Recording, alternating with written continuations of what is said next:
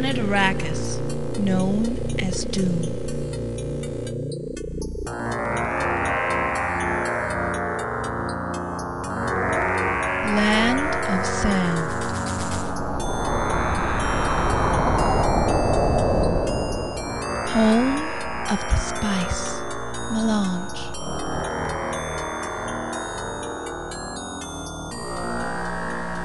The spice controls the empire. Whoever controls Doom controls the spice.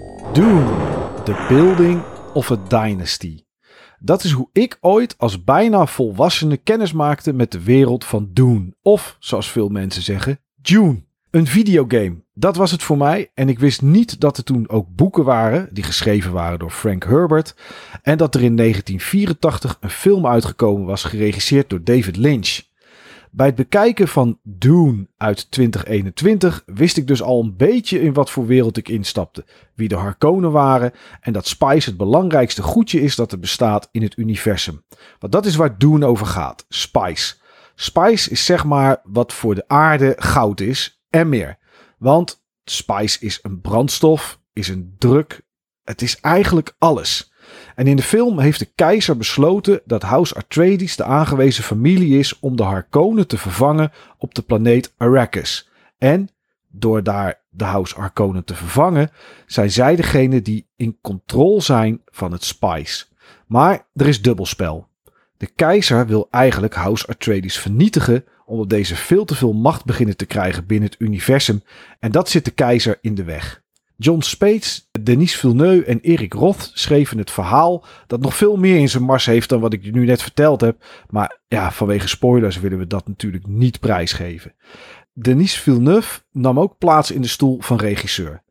Timothy Chalamet speelde de hoofdrol, die ik vooral kende uit Interstellar en uit Homeland.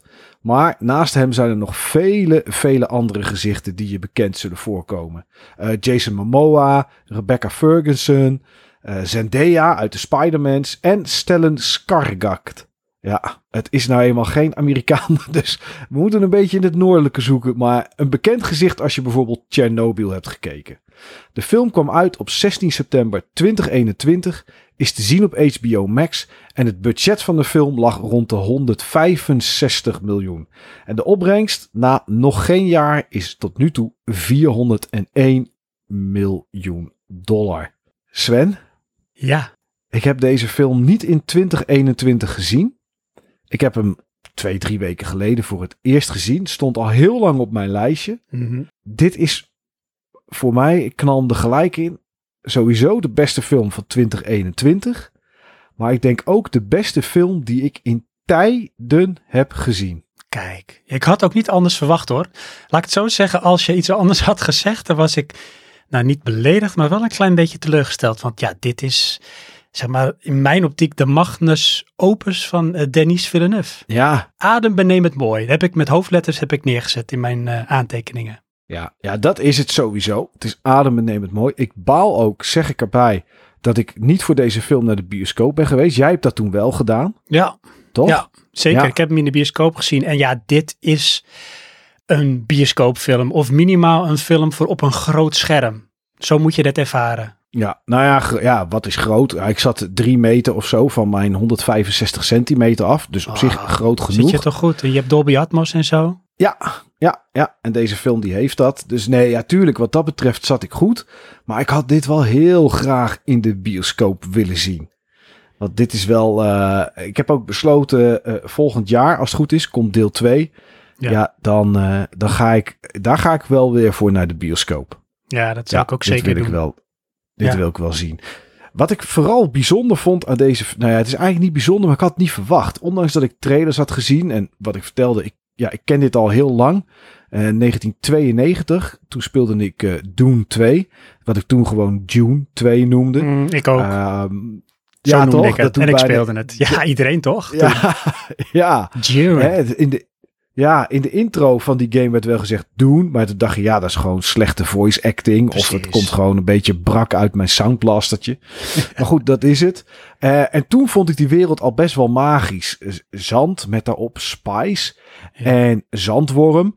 En toen Ja, ik ja, hoorde dat hier een film van kwam, dacht ik, ja, oké, maar wat ga je hier voor verhaal aanhangen, zeg maar? Want in de game zijn het drie of zijn het drie huizen die tegen elkaar strijden. Nou, dat is Mhm. hier dan net even iets anders. Maar dit, eh, de, de, dit verhaal bleef maar geven. ja. Het was niet het begin even iets bedenken en dat is het, maar er bleef maar komen, er bleven maar twist, turns, weer een laag erop, weer een laag erop. Verbazingwekkend wel, toch? Ja, zeker. Kijk, dit is, ehm, het verhaal is geschreven door Frank Herbert. En eh, die man die heeft zes boeken geschreven, volgens mij, over Dune. Ja, Nou, dit is ehm, volgens mij de helft van boek 1. Hè, want dit is ook, en dat is wel een van de dingen, hè, dat moet ik ook meteen zeggen. Ik weet niet hoe jij daarop reageerde, of misschien wist je het al. Maar wij gingen dus naar de bioscoop, als in Johan van Praatje Podcast en ik. En eh, de film begint Dune Part 1. Maar dat wist ik Ja. dus even niet. Dus ik, oh, oh jee, oké. Dus dan moest ik even weer even settelen van, dus dit is blijkbaar deel 1 van een film wat een tweeluik is. En ik denk dat deel 2 niet direct hierna komt, maar dat ik dan eerst de bioscoop uit moet en nog een paar jaar moet wachten. Wat ook zo blijft te zeker zijn. weten. Ja, en het werd natuurlijk nog spannender, want ehm, Denis Villeneuve, die heeft deze film gemaakt eigenlijk, ja, met een soort schot voor de boeg, hè. Dus het was van, ik ga kijken, en dat was ook een beetje de reden waarom je überhaupt deze film mocht maken, van hoeveel gaat deze uiteindelijk opbrengen? En als dat succesvol genoeg is, dan gaan we overwegen of je deel 2 mag maken. Nou, die kogel is door de kerk. Hè. Deel 2 gaat eh, in 2023 komen. Maar dat was toch even een gokje dat hij daarmee genomen heeft. Ja, want stel nou dat het, eh, stel dat het niet zo was, hè, dan, dan had het gewoon open einde en jammer dan eh, afgelopen Ja, geweest. zeker. Ja, en dat is zonde ook vanwege dan de scènes die we nooit te zien zouden krijgen, want hij heeft meer gefilmd dan ehm, dat er in deze film gestopt is. Dus een Ja. deel van eh, deel 2 is al geschoten, alleen het is dus ja, vanwege wat ze waarschijnlijk denk ik uiteindelijk geëdit hebben, is dat voor nu uit dit deel gehaald. Ja, nou ja, en er zat genoeg in in deze film. Eh, Ja. het, hè, het is een film die duurt 2 uur en 35 minuten, best lang. Ja, heb jij dat ook dat gevoel gehad, hè, dat je naar een lange film zat te kijken? Nou, het probleem voor mij was is dat ik hem in twee keer moest kijken. Ik had iemand die meekeek, eh, iemand die hier in huis woont en die is, die is 13. Dus ja, rond een uur of tien s'avonds moesten we wel stoppen. Dus ik heb hem in twee delen gekeken. Maar ondanks dat was er echt... Kijk, de film heeft soms wel wat rustigere momenten, maar is daardoor niet saai of traag. Die film kakt gewoon op geen enkel moment in. Nee, absoluut niet. Dus je hebt helemaal niet het gevoel na die 2 uur 35 dat je denkt van ja, eh, oké, ben blij dat afgelopen is. Sterker nog, op het moment dat die afgelopen was, had ik hem eigenlijk gewoon het liefst nog een keer aan willen zetten. Door alles wat je, ja, door alles wat je weet, wat je, hoe je weet hoe die verhoudingen nu liggen, de dingen die in het begin nog geheim zijn, eh, maar later natuurlijk bekend zijn, omdat het in het verhaal zit. Ja, ik had zoiets van, weet je, ik zet hem gewoon nog een keer aan, want ik wil dit gewoon nog een keer zien. Er is zoveel te zien ook. Mhm. Ja, absoluut. Ik, hij- net als met de Batman, hè, had ik in eh, het eh, begin van The Batman eh, van Matt Reeves, was ik echt onder de indruk. Maar dat gevoel zijpelde naarmate de film vorderde weg. En dat had ik ook in die aflevering die we hebben opgenomen, heb ik dat gezegd. En ook de tweede Ja. keer dat ik die film keek, had ik weer hetzelfde. Van begin overweldigend, maar dat zakte weg.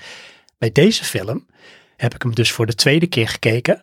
En ik had precies zeg maar hetzelfde gevoel als tijdens mijn bioscoopbezoek, wat gewoon de hele film lang doorduurde. En dat was gewoon verbazing en gewoon kijken naar wat er eigenlijk allemaal voor spektakel in beeld en geluid en alles gebeurt. Zoveel om te zien. Ja, Ja, zwaar indrukwekkend. Ja, kijk, het, het is. Ik vind het ook best lastig. En ik heb gewoon niet de tijd gehad om hem nog een keer te kijken.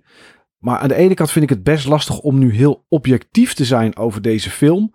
Omdat de eerste keer dat je hem kijkt, wat jij zegt, heb je verbazing en verwondering. Want het is groots, het is indrukwekkend, het is overheersend. Die film overheerst gewoon je beeld en je, en je oren, zeg maar. Je ogen en je oren worden gewoon overdonderd door grafisch geweld en, en audiotechnisch geweld. Mhm. Maar als een film dat doet de eerste keer, ja, dan is er gewoon misschien wel helemaal niet zoveel mis mee. En als ik ook zou moeten bedenken wat ik niet goed vind aan deze film, of wat beter zou kunnen zijn, dan is het enige wat ik heb kunnen vinden een zekere mate van voorspelbaarheid. Dat zat er wel in. Mhm. Ehm, dat, er, dat, dat er dingen zijn dat je denkt: oké, nou, oké, we zien nu A en we zien nu B. Ik weet zeker, dit leidt tot X. En ja, dat gebeurt dan ook. Mhm. Is dat slecht? Eh, nee, zeker niet. Hè, dat, is, dat maakt hem helemaal niet slecht. Wanneer zou dat voor mijn gevoel slecht zijn als een film voorspelbaar is? Als de rest eromheen niet interessant is. Precies. Als wat je op beeld ziet niet interessant is, het geluid niet, hoe, niet alleen beeld qua effecten, maar ook hoe het in beeld wordt gebracht, hoe camerawerk is, dat soort dingen. Dat is allemaal zo geweldig in deze film. Zeker. Kijk, de cinematograaf is Greg Fraser van The Batman. Hij heeft ook een Oscar gewonnen hiervoor. En zwaar terecht. Sowieso heeft deze film een aantal Oscars gewonnen. Hè? Voor het geluid, de montage, visuele effecten, production design, de muziek. Hans Zimmer.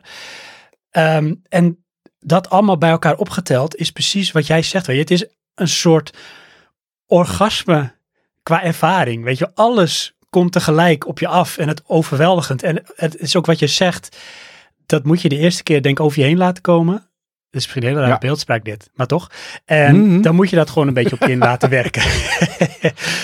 en dan ga je hem later, ga je hem inderdaad nog een keer kijken. En ja, dan beloof ik je inderdaad, als je hem nog een keer kijkt, is de ervaring, zoals heb ik in ieder geval ervaren, net zo adembenemend. Ja. Ja, en er zijn, ja, het zijn van die hele misschien rare kleine dingetjes, maar die ik dan heel prettig vind, zeg maar, aan zo'n film als dit. Kijk, eh, Timothy Chalamet, die de hoofdrol speelt.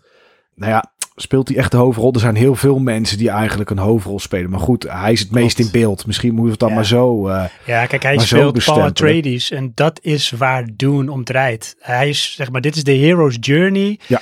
van hem. Hoe Ja. hij uiteindelijk fantastische dingen zal gaan doen. Of dat is in ieder geval, daar is hij voorbestemd voor. Ja, ja, ja, en of dat gebeurt zien we wel in deel 2. Maar goed, dat is misschien die voorspelbaarheid. Dat zal ongetwijfeld.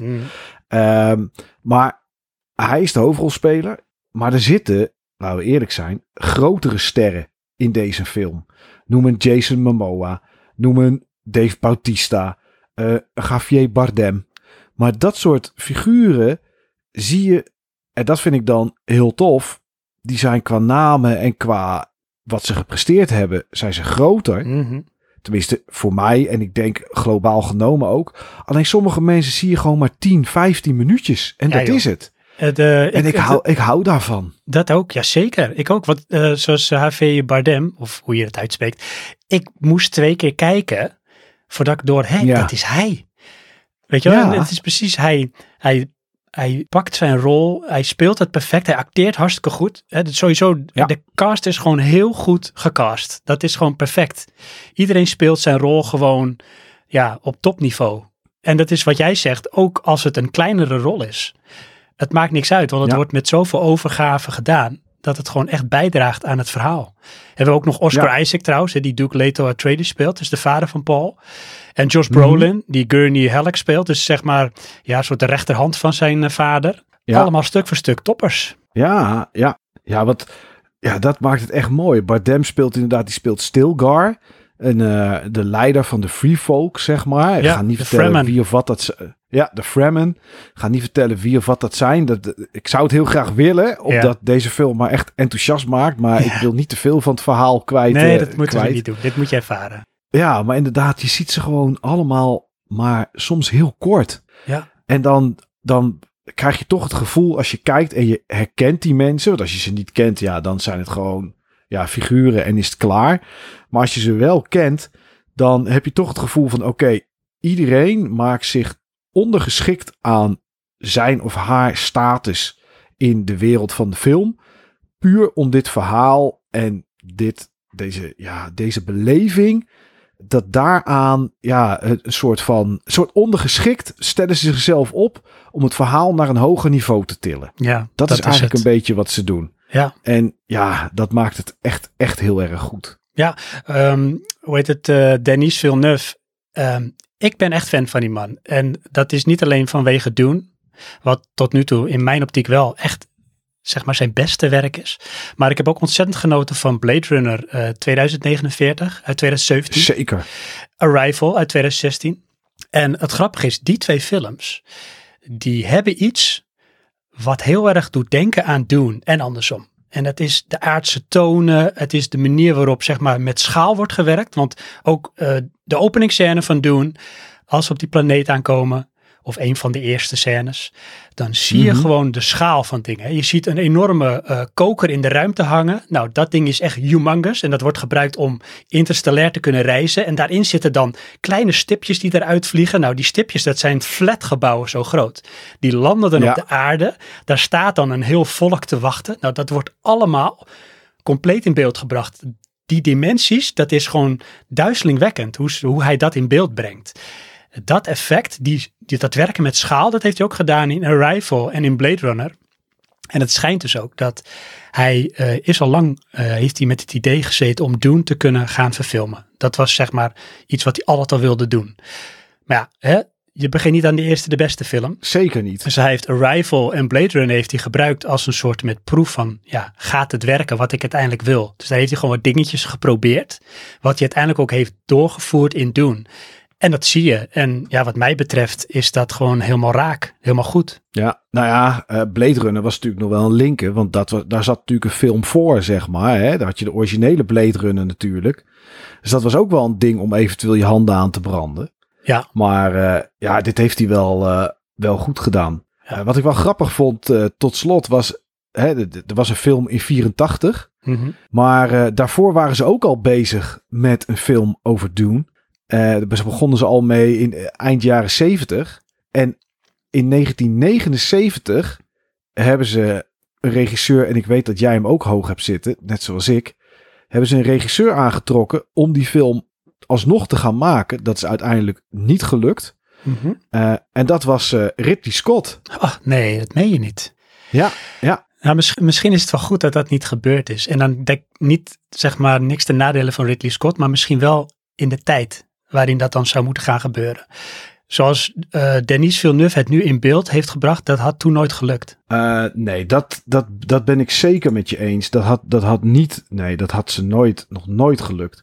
Maar ja, goed, eh, aan de ene kant ben ik wel blij dat het, dat het inderdaad niet is doorgegaan. Want ja, daardoor hebben ze even Ridley Scott, die is gestopt. En eh, ja, die is, die is daarna doorgegaan met films die wij wel eh, interessant, eh, Zeker. interessant vonden. Zeker. Ja, weet je, alles heeft zo een beetje moeten lopen, zullen we maar denken. Ja, dat is wel een beetje in lijn met hoe eh doen is, hè, wat dat betreft. Dat alles een soort van voorbestemd is. Ja, ja, ja, ja, ja, daar lijkt het wel op. Ja, Sven, dus ik, ik, ik kan alleen maar zeggen, mis- nou, in het begin zei ik het al, een van de beste films die ik in tijden heb gezien, om dat nog een keer te benadrukken. Ja, ik heb direct de 4K Blu-ray maar besteld. Ja, dat doe je dat is goed. natuurlijk leuk. Zwaar terecht. HBO Max. Ehm, maar ja, dat is natuurlijk niet eh, hoe ik die film, eh, die wil ik gewoon in de kast hebben staan. Ja, snap ik. Dus eh, ja, ehm, ja ik, ik heb niks anders dan lof. Ja, tenzij jij nog iets hebt. En hoe- wil niet per se zeggen dat het negatief moet zijn. Maar Nee, ik heb wel nagedacht van zijn er dingen die ik minder goed vind. En ik kan ze eigenlijk niet echt vinden. Ik vind alles eh, klopt aan deze film. Wat ik zei van de casting tot de regie, tot de cinematografie, het acteren. Het is allemaal gewoon hoogspel. Het is gewoon fantastisch. Er is één ding en dat vind ik wel mooi om jou en de luisteraar nog mee te geven. En dat is een stukje symboliek. En ik weet niet of het je opgevallen is, maar anders hoor ik dat wel. Ehm, Er Mhm. wordt in de film meerdere keren gerefereerd naar de stier en de stierenvechter.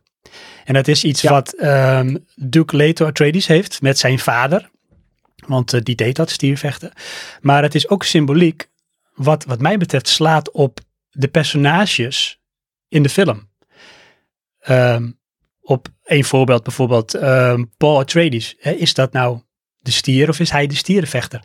Wordt hij gestuurd door een hogere macht, door de uh, Garrett Besserit of Barry Gesserit of hoe ze heten, die vrouwensecte? Of Ja. is hij juist degene die de touwtjes in handen heeft en onbewust toch al weet waar het naartoe zal gaan? vanwege zijn voorspellende gaven. En zo zijn er een aantal dingen die je als, zeg maar, ja, symboliek qua stier en stierenvechter op die film kan leggen. En dat is best wel interessant om daar eens over na te denken, uh, hoe je dat Hmm. ziet.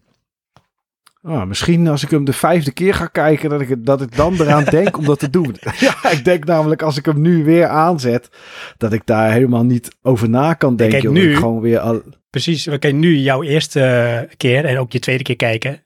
Ben jij die stier en er is zeg maar dan Denis Villeneuve die met zijn rode lapje loopt te wapperen. En jij hebt geen keuze, je stroomt daar gewoon volledig op af. Ja, ja, ja. En eh, terecht ook, zeg ik, Ja. voor deze film. Ja, eh, de woordgrap is snel gemaakt. Moet je doen, doen?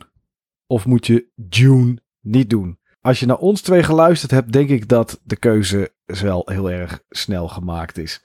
Maar ja, of je het zelf gaat doen, dat kunnen wij niet bepalen.